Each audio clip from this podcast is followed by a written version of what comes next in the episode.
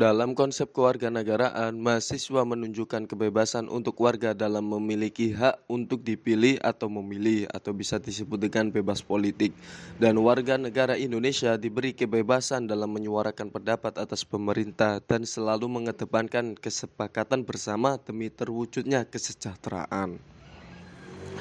Dalam hal ini, mahasiswa mempunyai peran penting dalam dinamika dan tantangan revolusi pemerintah untuk mewujudkan tatanan yang rapi dan dengan kesepakatan antara rakyat dan negara.